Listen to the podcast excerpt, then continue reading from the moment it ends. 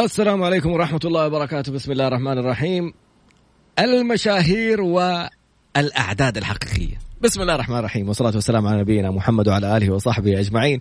رب اشرح لي صدري ويسر لي أمري واحلل عقدة من لساني يفقه قولي، اللهم اجعلنا من الذين هدوا إلى الطيب من القول وهدوا إلى صراط الحميد، اللهم علمنا ما ينفعنا وانفعنا بما علمتنا وزدنا يا رب علما. عسى أن يهديني ربي لأقرب من هذا رشدا، على الله توكلنا، ربنا آتنا الحكمة وفصل الخطاب، ربنا آتنا رحمة من عندك وعلمنا من لدنك علما. إنا إن شاء الله لمهتدون. الموضوع اللي شغل وسائل التواصل الاجتماعي الموضوع اللي حقق ترند لثلاثة أيام متواصلة الموضوع اللي طلعوا المشاهير يشرحوا للناس ويتكلموا عنه.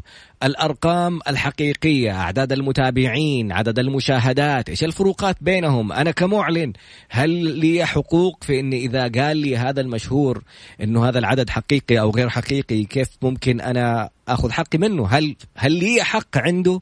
هل هي مخالفة؟ هل هي جريمة معلوماتية؟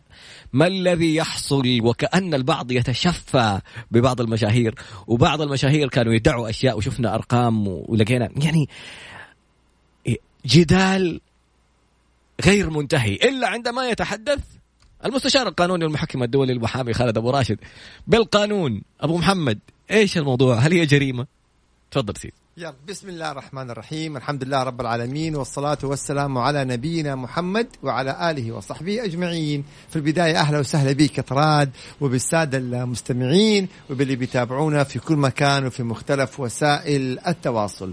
الأسئلة اللي حنبدأ فيها الحلقة وهي اللي زي ما تفضلت يا طراد تم تداولها مؤخرا بشكل قوي جدا وهي اليوم لو أن أحد المشاهير أو حتى غير مشهور آه، حسب ما كان ترند في في وسائل التواصل ذكر إنه آه، عدد المتابعين أنا لا أتحدث عن المشاهدات عدد المتابعين مليون اثنين مليون عشرة مليون خمسة عشر مليون اللي يكون.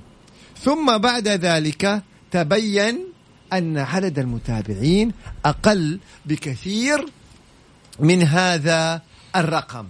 إذا هنا كان في عدة أسئلة. أولا هل هذا يعتبر غش؟ ثانيا هل هذا يعتبر جريمة معلوماتية؟ ثالثا لو أن المعلن اتفق مع هذا المشهور أنه يعلن إعلان من خلاله ولكن يعني على اعتبار أنه هذا الرقم. ثم تبين المعلن أنه هذا الرقم غير صحيح. م. طب إيش وضع الإعلان؟ المبالغ اللي أستلمها؟ هذا الموضوع كان مثار جدل قانوني رقم واحد. اثنين طبعا الأسبوع اللي فات في وسائل التواصل بالكامل يعني آه كان في له نقاشات وفي له اختلافات. فإحنا اليوم إن شاء الله تعالى لأول مرة طبعا كموضوع أثير لأول مرة حنناقش. طبعا هذا مو بس في السناب طيب اللي في تويتر واللي عندهم حسابات مثلا أغلبها آه هم يسموها وهمية إن صح التعبير يعني. فإيش الوضع في هذه الحالة؟ طيب نبدأ بسم الله الرحمن الرحيم. اولا هل يعتبر جريمة معلوماتية؟ إلا هو واحد مثلا ذكر أنه عنده ملايين المشاهد المتابعين ثم تبين أنه الأرقام مختلفة. هل هذا يعتبر جريمة معلوماتية أم لا؟ إحنا هنا نأتي لقانونا لنظام مكافحة الجرائم المعلوماتية. لأنه لو قلنا يعتبر جريمة على أي أساس؟ لو قلنا لا يعتبر جريمة على يبقى على أي أساس؟ تمام. لما نأتي لهنا بعض الشباب قالوا نعم يعتبر جريمة معلوماتية. بعض الشباب ذكروا ذلك. طيب اليوم نرجع لنظام مكافحة الجرائم المعلوماتية. هذا النظام هو الذي حدد ما الذي يعتبر جريمة معلوماتية. هل توجد مادة في نظام مكافحة الجرائم المعلوماتية نصت على أن اختلاف عدد المتابعين يعتبر جريمة؟ لو قرأنا النظام من أوله إلى آخره لم نجد أي مادة لا بشكل مباشر ولا بشكل غير مباشر نصت على أن اختلاف عدد المتابعين يعتبر جريمة معلوماتية. إذا لا نستطيع أن نقول أنها جريمة معلوماتية طالما لا توجد مادة نصت على ذلك. هنا يقول يعتبر غش وتضليل. جميل جدا. حن حنناقشها بشكل دقيق إن شاء الله تعالى. لكن حنتكلم كجريمة معلوماتية يعني جريمة جنائية اللي عقوبتها تصل إلى السجن وإلى الغرامة. اليوم لما نقرأ نظام مكافحة الجرائم المعلوماتية حنجد إنه النظام تضم أو تطرق للمحتوى. النظام بالكامل للمحتوى. هل هذه هل محتوى جيد يبقى ما هو بجريمة محتوى سيء أصبح جريمة. محتوى يعني الكلام اللي بنكتبه المقاطع اللي بنصورها المحتوى.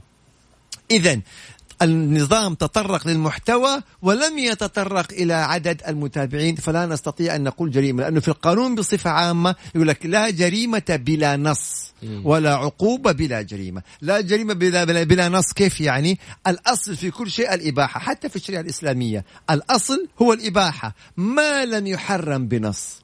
الله. وفي القانون الأصل هو الإباحة ما لم يجرم بنص.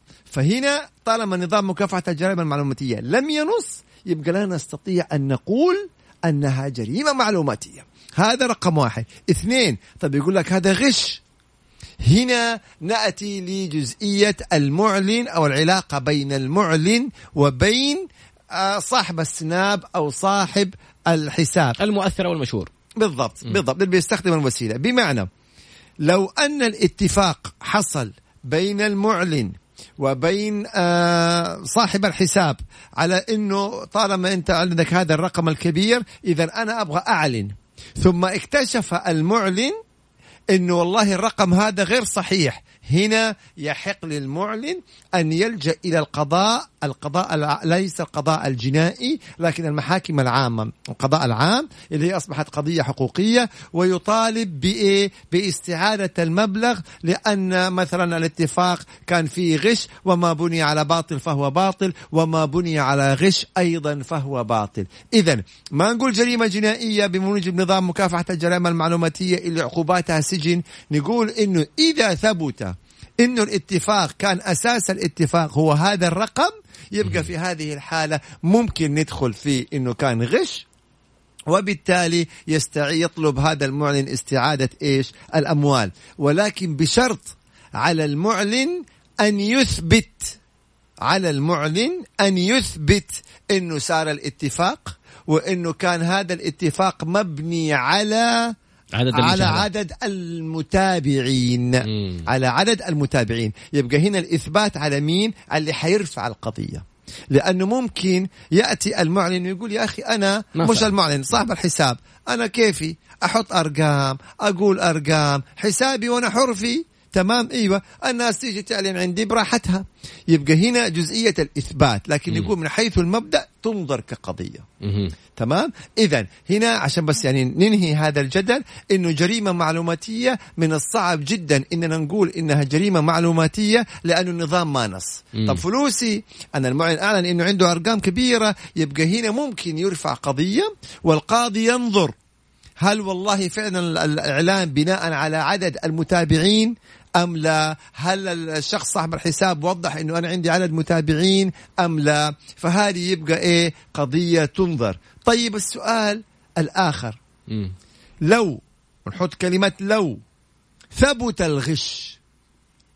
كيف يثبت؟ يعني, يعني القضاء أثبت إنه نعم فلان هذا غش وإنه أعطى أرقام مغلوطة وبالتالي حكمت بإعادة هذا المبلغ.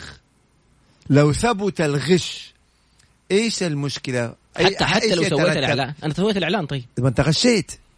أنت جيت قلت لي أنا حسابي خمسة مليون. مم. أنا بناء على الخمسة المليون رحت وإيه؟ وأعلنت عندك. مم. جيت أنت بعد ما أعلنت عندك اكتشفت إنه بدل الخمسة مليون عندك خمسة آلاف. اذا أنت غشيتني. مم. تمام؟ إذا ثبت بحكم نهائي من القضاء إنه هذا غش ممكن أنا أقول ممكن ترفع دعوى تعزير أوه. ضده لأنه غش غير الرد غير, غير القضية المالية. بس إحنا هذه المسألة ما هي بالسهولة. لازم أول مرة ترفع القضية المالية ويثبت الغش بعدين ترفع إذا ثبت ذلك. مم. فهذه الجزئية جدا مهمة ننتبه لها. إنه جنائي يعني نظام مكافحة جرائم معلوماتية لا توجد مادة تنص على ذلك؟ اثنين قلنا ممكن هو يرفع قضية إذا أثبت المعلن أني أنا بناء على الأرقام الوهمية مم. الأرقام الغير صحيحة اللي حطها صاحب الحساب يبقى دي قضية تنظر. إذا هو بيقول توصل للتعزير متفاجئ. إذا ثبت أن فلان غش فلان فالغشاش يعزر. يعني هذه مرحلة يمكن خلينا نقول فيها شيء من الصعوبة فيها كذا لكن إحنا نتحدث قانون. إذا ثبت بنقول. إذا عندنا واحد اثنين ثلاثة. طيب السؤال الثاني هل يسري هذا الأمر على تويتر. ما إحنا الآن الناس كلها ركبت ركبت ركزت على. حساب سناب شات.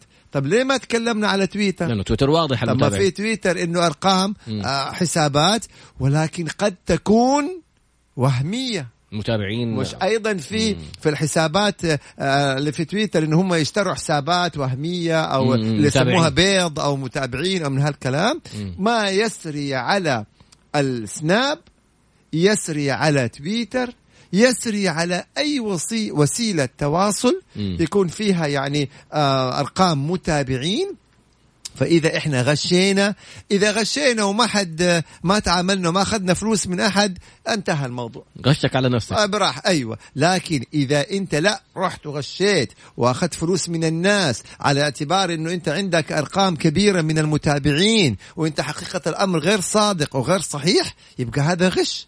أنت بتغش المعلنين وأنت بتغش الناس. فإن ثبت يقاضوك ويستردوا أموالهم وممكن إحنا بنقول ممكن يكون فيها تعزير لأنك غشاش غير صادق كاذب.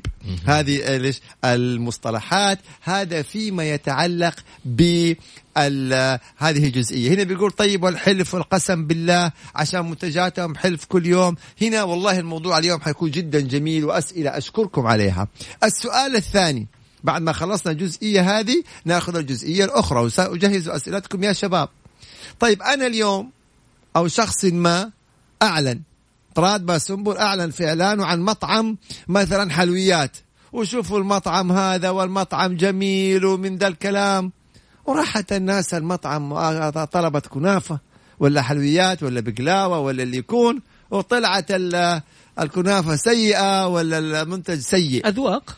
ها أنا هنا عشان- يا سيدي في له في له ضرر هذا المنتج آه، سيء غش أي حاجة. هل يعاقب الذي أعلن أم لا؟ هنا السؤال. فلان آدمي من المشاهير أعلن عن محل ملبوسات محل مفروشات مطعم. تمام؟ رحنا المطعم هذا طلع. المطعم هذا سيء جدا.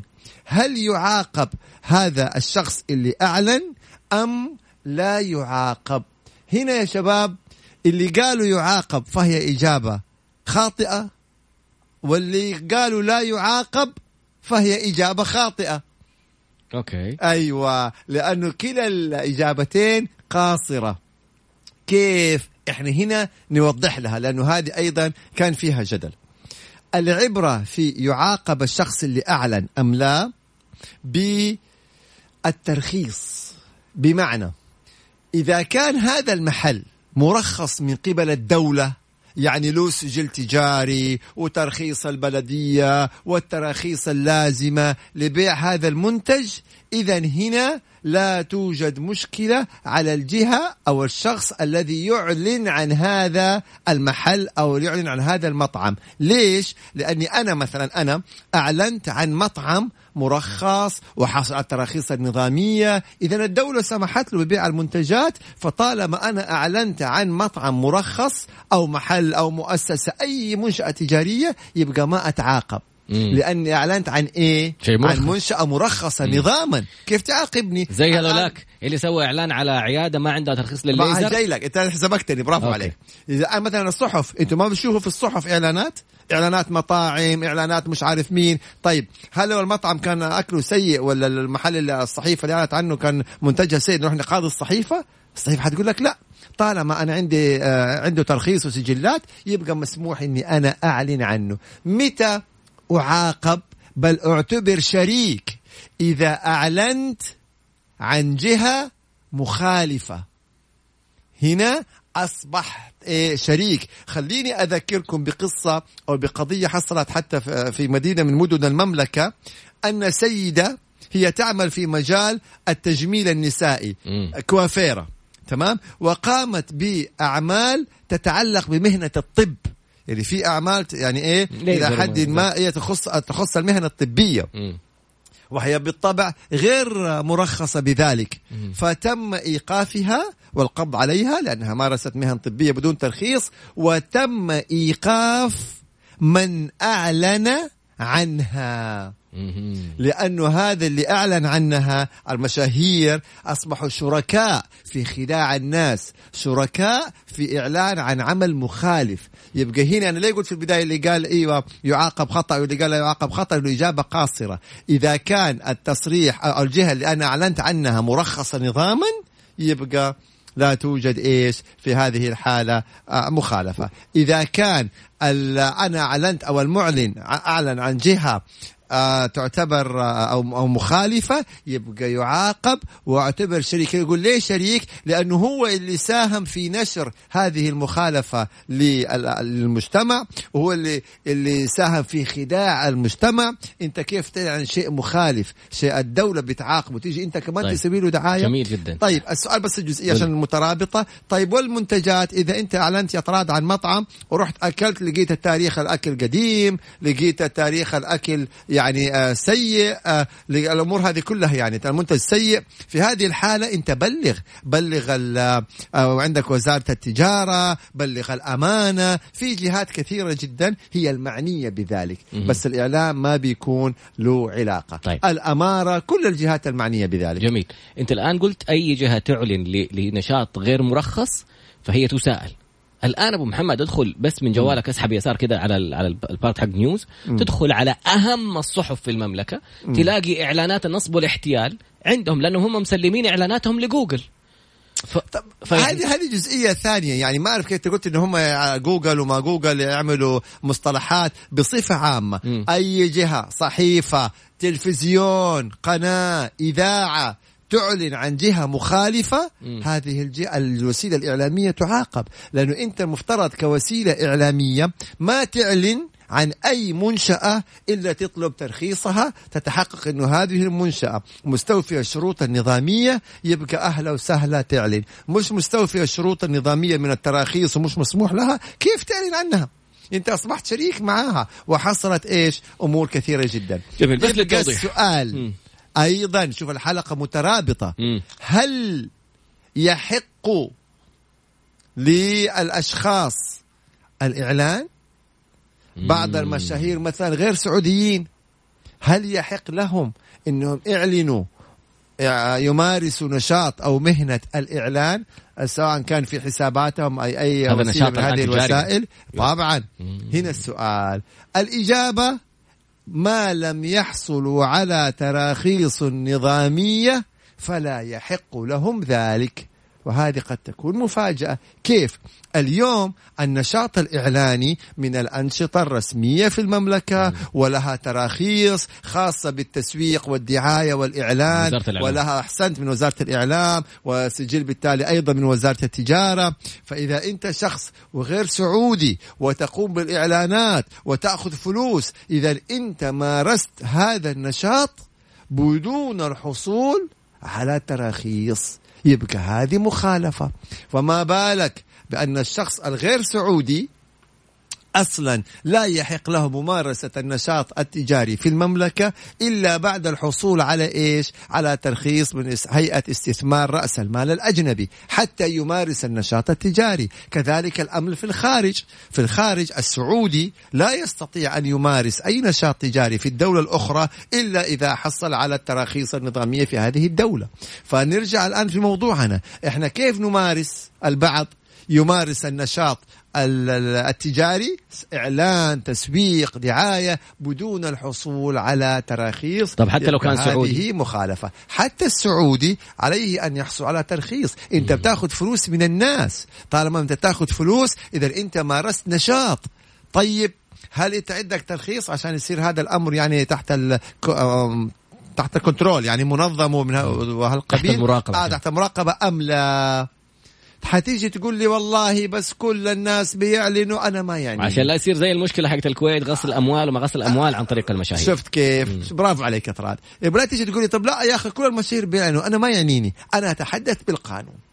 أنا أتحدث بالقانون ننتبه تماما. الغير السعودي يجب الحصول على ترخيص استثمار رأس المال الأجنبي ثم الحصول على التراخيص من وزارة الإعلام أو وزارة التجارة الخاص بممارسة نشاط الدعاية والإعلان حتى يمارس العمل الدعاية والإعلان بالشكل النظامي. تمام؟ آه السعودي يجب أن يحصل على التراخيص النظامية. هذا الأصل وهذا فيما يتعلق بكل ما تم تداوله عن مشاهير السناب وعن هم ركزوا على السناب يعني وعن الأرقام الوهمية. طيب المنتج لو أعلن طيب فلوسه طيب هل هذا غش؟ هل هذه جريمة معلوماتية؟ هل الأمر هذا يسري على تويتر؟ طبعا هذا الأمر كله يسري على تويتر. إذا أنت أوهمت إنسان إنه عندك متابعين كثر ثم تفاجأ هذا اللي أعلن عندك إنه متابعينك غير يعني قليل غير الرقم اللي هو أعلنوا عنه طبعا نفس الشيء ممكن هو يقاضيه ويقول فلان خدعني. يكونوا على إيش قلت المتابعين المتابعين اللي في تويتر المزيفين. الوهميين. اللي سميتهم. لا مو سميتهم هم يقولوا بيض في, في وسائل التواصل هم اللي يقولوا إحنا يعني.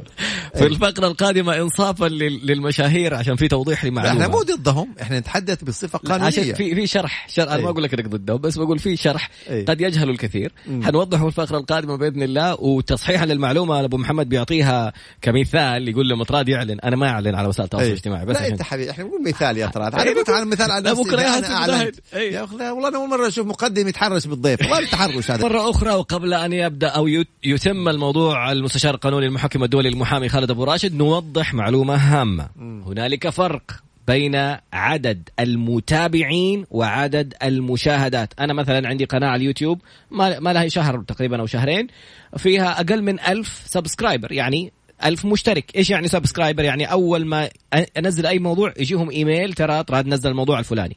بينما واحدة من الفيديوهات واحدة من الحلقات حقت الدعاء السحري.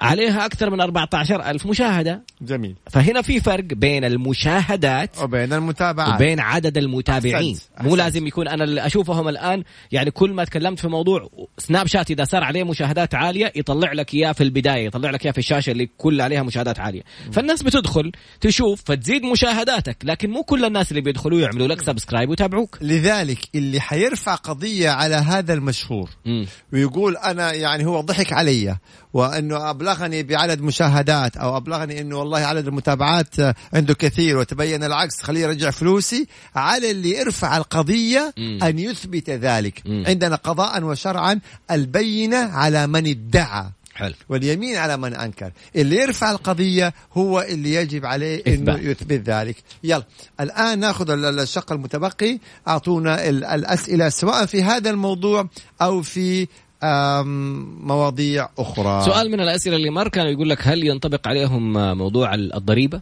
ضريبة القيمة ما إحنا هنا قلنا إذا إذا كان يمارس العمل بترخيص نظامي يبقى تنطبق عليه كل الأنظمة اللي في الدولة.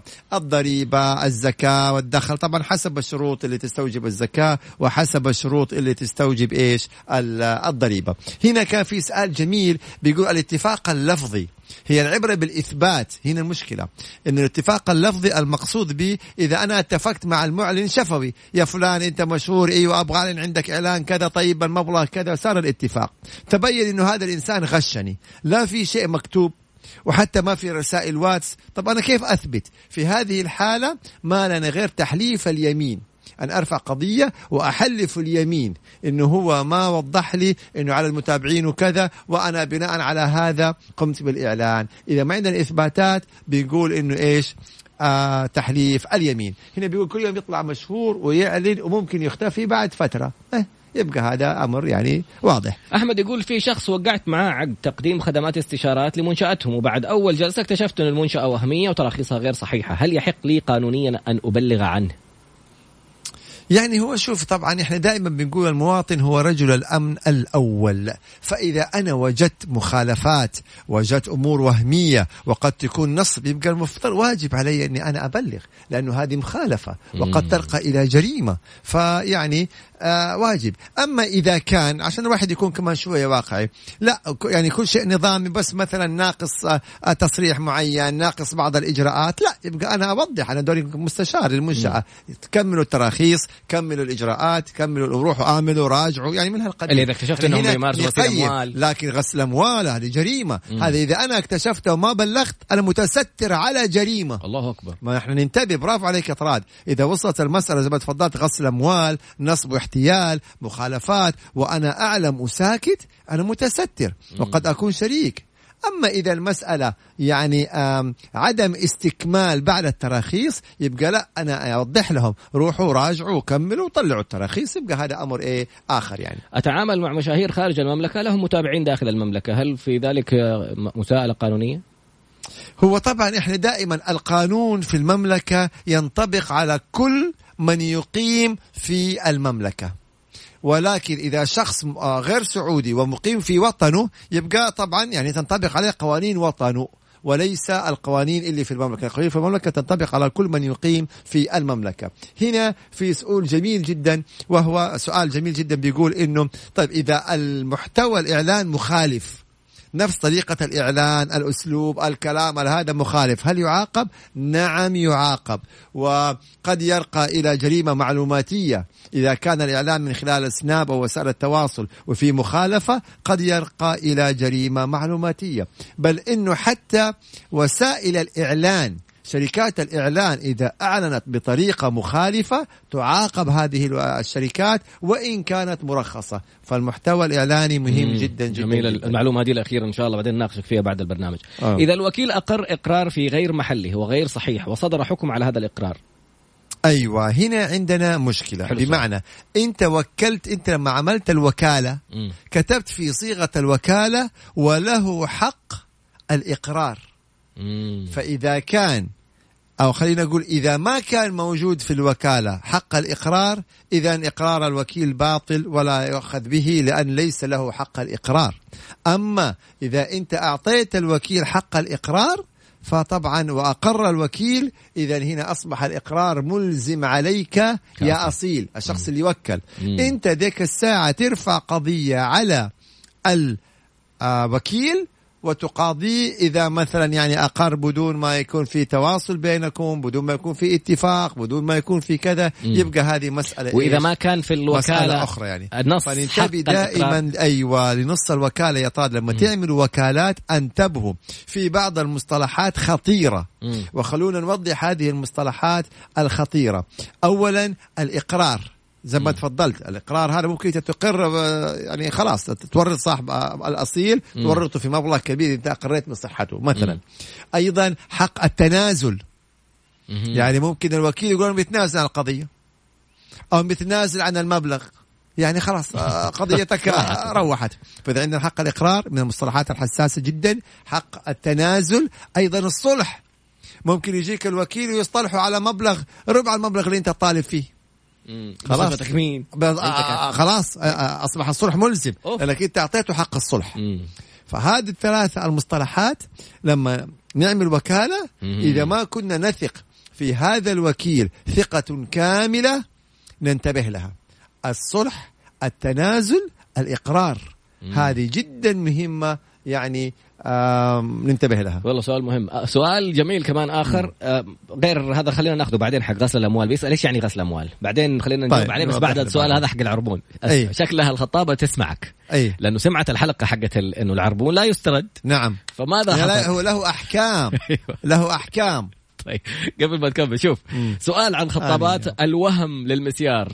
حولت عربون لخطابة مقابل شروط معينة لم تجلبها وبعد أشهر من المماطلة والكذب طلبتها بإعادة العربون لعدم تنفيذ طلبي أيوة. رفضت بحجة أن العربون لا يسترد وأنه أنا من طلب إيقاف البحث وتهددني برفع شكوى في حالة اتصلت عليها مرة ثانية أو طلبت العربون. لا هنا في فرق. هنا في فرق فعلا. بمعنى أنت دفعت عربون لشخص مقابل عمل معين. أوكي. تمام؟ إذا هذا الشخص اللي أستلم العربون ما قام بهذا العمل يلزم بإعادة العربون. أما إذا كان اللي دفع العربون اللي دفع العربون هو اللي من تلقاء نفسه تراجع أو توقف أو كذا إذا في هذه الحالة يعني ما يحق له استرجاع العربون لأنه هذه هي أحكام العربون. مم. هذا بصفة عامة. مم. أما مسألة خطابة وما خطابة وخطبت له طب ما نسبتني يعني هذه حيدخل فيها التفاصيل. مم. هو هذا يعني مدى الحياة المفروض تخطب له ولا تدور له تدور له مدى الحياة ولا لازم في وقت. محدد. دائما العربون يجب أن يرتبط مع العربون وقت محدد. أنا أبغى أشتري عقار معين أعطي له العربون وخلال فترة معينة أكمل الثمن. ما انتهت هذه الفترة وأنا ما كملت الثمن راح علي العربون فالطرف الآخر ما أحدد. الطرف الآخر إذا ما التزم لا أنا هو ملزم ما يستطيع إنه ما يلتزم الطرف الآخر. ما يعني ما يقدر إنه يبيع الفيلا مثلا أو يبيع العقار أو يبيع العروسة. لأنه أخذ العقار. مسألة خطابة هذه والله يعني شوف الوقت اذا إذا عندك إثبات على الوقت اللي التزمت فيه إنها هتجيب لك فيه العروسة الله يعينها تفاصيل خطا إنما هذه بصفة عامة أحكام والله شكله العربون. المدام يعني على سجادتها ما شاء الله كذا وما هي موافقة على الموضوع. فركشت لي الشغلة. هل له حق التوكيل الغير إيه تنطبق عليه؟ له ما فهمت هذه. نعم. أحيانا أنت فهمت السؤال. إذا أنت عملت وكالة أحيانا بتكتب في الوكالة أيضا وله حق توكيل الغير. وكيلك له حق انه يوكل الآخرين يعني كمان. كمحامي مثلا أنا أوكل موظف عندي. إنه يترافع باسم القضية. بالضبط. أو أي أحد آخر. أوكي. خلاص أنت أعطيت الوكيل حق توكيل الغير. اذا هنا أصبح هذا الوكيل يحق له توكيل الغير في حدود الوكالة. إيش أنا عندي في الوكالة؟ أقدر أوكل الغير فيها. إيه، ما أستطيع أوكل الغير في أمور ليست موجودة في الوكالة. يبقى العبرة بنص الوكالة. تمام. هنا بيقول لي هل توقيع ورقة مخالصة من العامل تسقط مستحقاته وتسقط حقه في التقاضي؟ طيب هنا نفرق. الحق في التقاضي متاح للجميع. مسألة إنه له حق أو ما له حق أكيد المخالصة إذا تمت بعد انتهاء العلاقة العمالية اذا هي ملزمة للطرفين ليه صارت مخالصة؟ وفي نفس الوقت يعني هذا السؤال جميل. انت ليه توقع مخالصة؟ إذا ما استلمت مستحقاتك ليش توقع مخالصة؟ المفروض ما توقع مخالصة إلا إذا استلمت مستحقاتك. لذلك آه، استلمت مستحقاتك وقع مخالصة. ما استلمت ارفع قضية في مكتب العمل خليها تحال إلى القضاء العمالي وخذ حكم. أما توقع مخالصة وبعدين تيجي ترفع قضية طب انت صعبت الامر هذا بشكل يعني كبير جدا جدا جدا. هنا بيقول لي بسبب الوعود. برافو عليك. في المخالصات المالية ما في شيء اسمه وعود. هات المبلغ أوقع لك. سلم واستلم. سلم واستلم. أودع لي في حسابي أعطيني نقدا أعطيني شيك. أهلا وسهلا. والله في محامي راسل لك سؤال. أيوه. يقول لك سؤال من قانوني لقانوني. يا س... والله ونستفيد منه طيب. زميلنا. وقعوا والله شكلهم سمعوك في المقابلات التلفزيونية. يقول أيوه. لك وقعوا مع أحد المشاهير اللي أيوه. يثبت يقول إنه هو كان عنده 6 مليون متابع وليس مشاهدات. متابع أيوه. وعلى أساس هذا الموضوع وقعوا معه. خلاص. لما طلع بعدها بأسبوعين الموضوع حق السناب شات و... أيه. أيه. طلع عنده 2 مليون متابع. وليس 6 مليون. وليس 6 مليون. لما أيوه. راحوا يطالبوه يقولوا له أنت كيف بجالس تقول 6 مليون؟ قال لك كانوا 6 مليون ونقصوا. هنا المسألة طيب علي هنا هنا مسألة إثبات. سؤال جميل من الزميل. هنا مسألة إثبات. أنا ممكن أرفع قضية عليه في المحكمة وأوضح أنه بناء على 6 مليون الاتفاق ثم اكتشفنا أنه 2 مليون. فإذا أدعى هذا المشهور إنهم نقصوا عليه أن يثبت إنهم نقصوا. روح جيب الداتا عجيب ما يثبت إنهم نقصوا. آه. أيوه هنا جزئية. عليه أن يثبت. ففعلا لأنه هذه مساله تدخل ضمن الغش. أنا بغش الناس. بقول لهم عندي أعداد كبيرة وأخذ فلوس الناس وأنا غير صادق. هذا غش ما يبغى لها كلام. طيب الناس سايبين المواضيع كلها القانونية. دحين ماسكين في موضوع الخطابة. أيوه أبو أحمد راسل لك يقول لك المفروض بعد الحلقة الخطابات يغيروا سياسة التسويق حقتهم. مثلا تقول لك أخطب لك واحدة والثانية مجانا. في الفقرة القادمة بعد قليل نتابع إذا اعتذر المشهور وقال أنا ما كنت أقصد أنه عندي عدد المتابعين أنا عندي عدد المشاهدين. م. لا يؤخذ بهذا وما في في القانون اسمه ما كنت أقصد. هذا غير مقبول اطلاقا. بعد قليل نتابع. والله موضوع شائك. بعد قليل نتابع نعم. إن شاء الله. عودة مرة أخرى. متابعة للحلقة ومشاركات ويعني إيش يسموها؟ مناكشات من متابعي خالد راشد على مباراة الديربي بين الأهلي والاتحاد. فيقول لهم الدوري بارك لهم طبعا تحية للعميد والمباراه كانت جميلة. ويقول لهم لسه الدوري طويل ترى لسه في البداية. هذه حلاوة المنافسة أكيد يعني. أبو محمد عندي ثمانية أسئلة. تفضل خليني أبدأ أنا عندي سؤالين وبعدين خذ راحتك. طيب. آه الإعلان للأسر المنتجة. يعني ناس يقول لك والله أنا بس عن الاسره المنتجة. أوكي بتعمل الاسره المنتجة بس هل عندهم ترخيص؟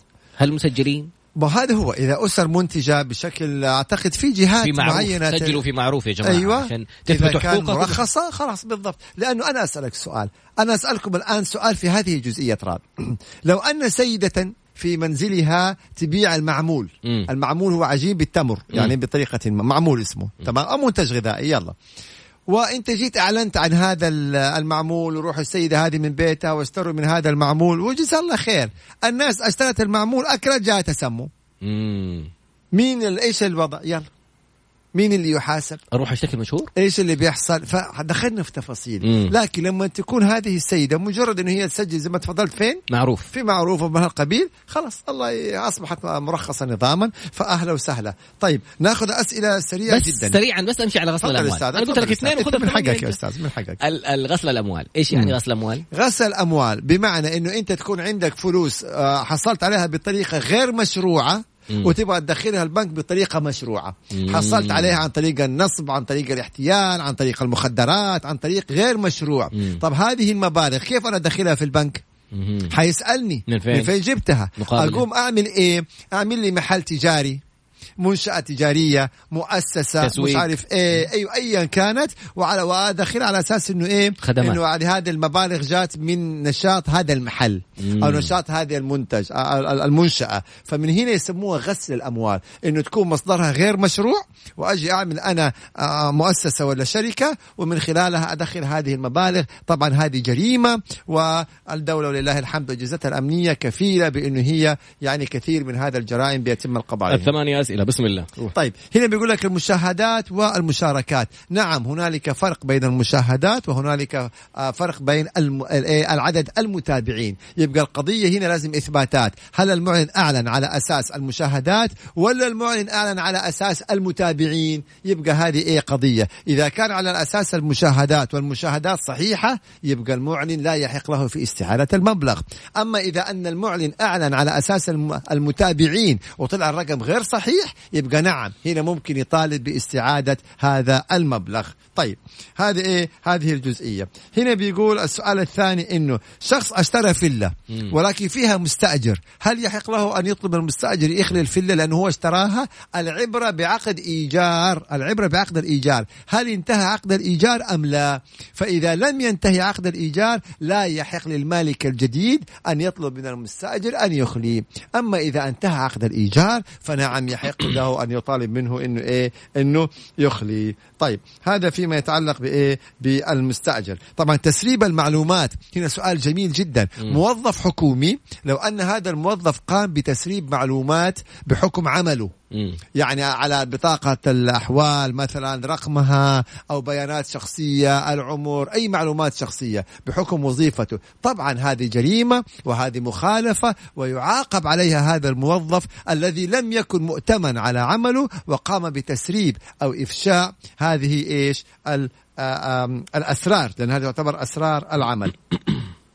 طيب هذه هنا يا طويل العمر بيقول آه، آه يلا أعطيني أسئلة أنا كتبتها بطريقه الحقيقة ما هي واضحة كثير طيب السؤال اللي قلت لي عليه إنه ممتاز. المحامي اللي قلنا إنه آه، أيوة. تعاملوا مع مشهور وقال لهم 6 مليون وبعدين لما ظهرت ال- المد... أعداد قال 2 المتابعين مليون. طلعت 2 هنا مليون المحامي بيقول زميلنا البينة على المدعي. ده. كلام سليم جدا. هنا والله سؤال أو معلومة بوضحها للكل. من هو المدعي؟ البينة هي الأصل في الشريعة. البينة على من ادعى.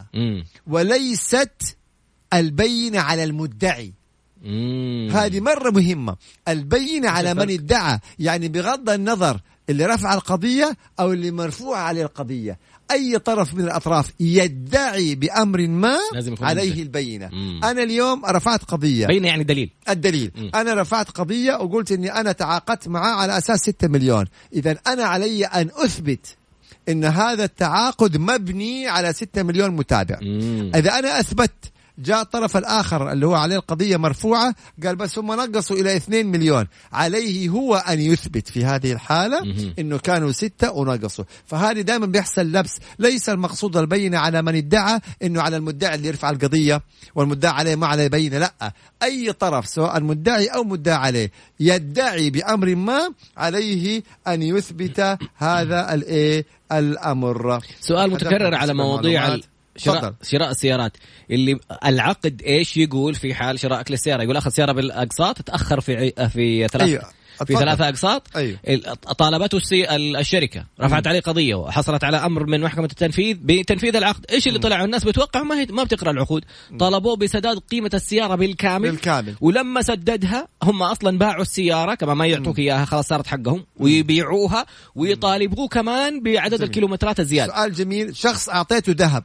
يحفظه في صندوق في البنك. م. ابن هذا الشخص اتصرف في الذهب الظاهر يعني. أرفع القضية على مين؟ ترفع القضية على اللي أعطيته الذهب. مالك ومال ابنه. الشخص الذي استلم منك الذهب على سبيل الأمانة هو عليه أن يعيد لك الذهب. والله جاء قال لك ابني قريبي مش عارف مين ابدا. اللي استلم منك الذهب على سبيل الأمانة عليه أن يعيد لك الذهب بالكامل. وهو يرجع على ابنه أو على أي شخص آخر آخر الذهب. هذه مسألة إيه؟ آه، أخرى يعني. مرة ثانية بس أمر مهم جدا. الأستاذ أيوب من الحسب نقول له العقد شريعة المتعاقدين. ارجع نعم. شوف أنت وقعت على إيش. العقد شريعة المتعاقدين هذا النص القانوني. وال... والشرعي ماذا يقول؟ المسلمون على شروطهم. المسلمون على شروطهم. نعم. سؤال يقول لك أنا اشتريت من أحد المواقع الالكترونيه واتخصم من حسابي ورجعوا سحبوا المبلغ بعد ثلاثة أيام من دون ما أعمل عملية شراء جديدة. وهم يقولوا ما سحبنا والبنك التابع لحسابي يثبت الخصم إنه جاي من نفس الشركة. خلاص يقاضي الشركة. فين؟ الشركة فين هي؟ شركة سعودية عموما. السعودية قضية في المملكة. خلاص قضية في المحكمة. قضية في المحكمة. المحكمه العامة. في المحكمة العامة على طول. يجيب كشف البنك يثبت كشف البنك يطالب يطالبهم بانه يرجعوا المبلغ. أو ممكن حتى يقدم شكوى في وزارة التجارة. إنه هذه الشركة أخذت المبالغ وما سلمتني المنتج. ممكن يبدأ بوزارة التجارة أول شيء وبعدين ممكن يلجأ إلى القضاء العام. جميل. بعد قليل الفقرة الأخيرة. جهز أسئلتك. بعد قليل إن شاء الله. أحسنت. فقرتنا الأخيرة والخمس دقائق الأخيرة في البرنامج أبو محمد هل ما تقوله من أنظمة ينطبق في جميع دول العالم؟ لا طبعا مم. إحنا نتحدث عن الأنظمة اللي في المملكة العربية السعودية والقوانين اللي في المملكة العربية السعودية نظام مكافحة جرائم المعلومات كل أنظمة ولكن في بعض صحيح القواعد القانونية تكون هي قواعد عامة في العالم كله. يعني مثلا البينة على من ادعى حتى في العالم كله لازم الشخص اللي يرفع قضية هو يقدم أدلته أنه الاتفاق يكون ملزم لأطرافه. هذا طبعا أكيد يعني بيكون في أي دولة في العالم. فخير يتفق في قواعد بتكون يعني معمول بها على مستوى العالم. لكن الأنظمة الخاصة إحنا نتحدث عن الأنظمة المعمول بها في المملكة العربية السعودية أكيد. في سؤال جميل يقول لك مشهور من المشاهير أعلن عن منتج معين ورحنا اشتريناه بناء على كلامه هذا إعلانه. طلع المنتج مرة غالي. في المقابل لقيناه في أماكن ثانية بسعر زهيد جدا. هنا هنا المعلن ما له علاقة. المشهور ما له علاقة. هنا تروح وزارة التجارة. تقدم شكوى. إذا كان يعني إنه ليش الأسعار دي تختلف عن هذه يبقى هذا جزء يتعلق بإيش؟ بوزارة التجارة. إذا كان المعلن اعلن عن جهة مرخصة نظاميا يبقى خلاص. بس نرجع نسور. نقول هل المعلن هذا عنده ترخيص إنه يعلن أو لا؟ يبقى هذه أصبحت جزئية يعني مهمة. ونقطة الأسعار أبو محمد يعني مختلفة من مكان لمكان. كل مكان بيحط إضافات آه، نعم. تكاليف هنا بيقول خروج الزوجة من بيتها بسبب عدم الإنفاق وسرقة الذهب يفقدها حقوقها؟ لا. ما يفقدك حقوقك ابدا. هنا في شخص اتحادي يقول الله يسعدك يا شيخ الله يسعدكم. وأنتم نادي الاتحاد على رأسي وكل الأندية لها كل التقدير والاحترام أكيد يا رب. انتهت الحلقة مراجعة سريعة لموضوع هل الكذب في أرقام متابعي المشاهير جريمة؟ بس أنا من ناحية توضيحية مرة ثانية أعداد المتابعين مختلفة عن أعداد المشاهدات. إلا إذا كان الشخص أو المشهور اللي وقعت معه أو أعلن لك كان يقول لك أعداد متابعيني رقم واكتشفت إنه رقم آخر هنا ممكن يكون إذا كان اتفاقك معه بناء على عدد المتابعين هنا جريمة وممكن تطالبوا باستعادة المبلغ وممكن يصل الموضوع لعقوبة تعزيريه أبو محمد تفضل. لأنه إحنا بنقول إنه هنا ليست جريمة معلوماتية بموجب النظام ولكن إن ثبت الغش فيحق للمعلن الشخص الجهة اللي أعلن أنها تطالب باسترداد المبلغ إذا ثبت الغش. فلذلك نصيحتنا في ختام هذه الحلقة يا طراد الصدق الصدق الصدق. والله ما في أجمل من الصدق لأنه تضحك على الناس وتأخذ فلوس يبقى هذا السؤال أنا لا أفتي أنا أسأل. هل هذا يجوز؟ هل يجوز أنك أنت تأخذ فلوس من الناس وأنت تضحك عليهم وتكذب عليهم وتوهمهم بمعلومات غير صحيحة؟ أنا ما أفتي شرعا. أنا أسأل. فلذلك الصدق ما في أجمل منه. والرزق من الله عز وجل. من استلم الأجر حوسب على العمل. بس أختم لك ختام حتحب أختم يا أستاذ أختم. الختام اللي يحبه محمد يحب الثناء على فكرة. أي أحد عنده كلمة حلوة كذا إي والله إي والله. تتفرج حاجة أوريني كذا كذا حط على الكاميرا. إي والله. يقول لك أنا والله من صوته أحسب عمره كبير طلع شاب وحليوه كمان هذا إلياس. هذا إنسان قانوني وذوق ويعني إيش بدي أقول؟ الله يسعدك يا إلياس. عزيز وغالي والله. سبحانك اللهم وبحمدك. أشهد أن لا إله إلا أنت أستغفرك وأتوب إليك. انتهت حلقتنا. انتظرنا مع حلقة جديدة في اعرف حقوقك الخميس القادم بإذن الله. في أمان الله. السلام عليكم. السلام.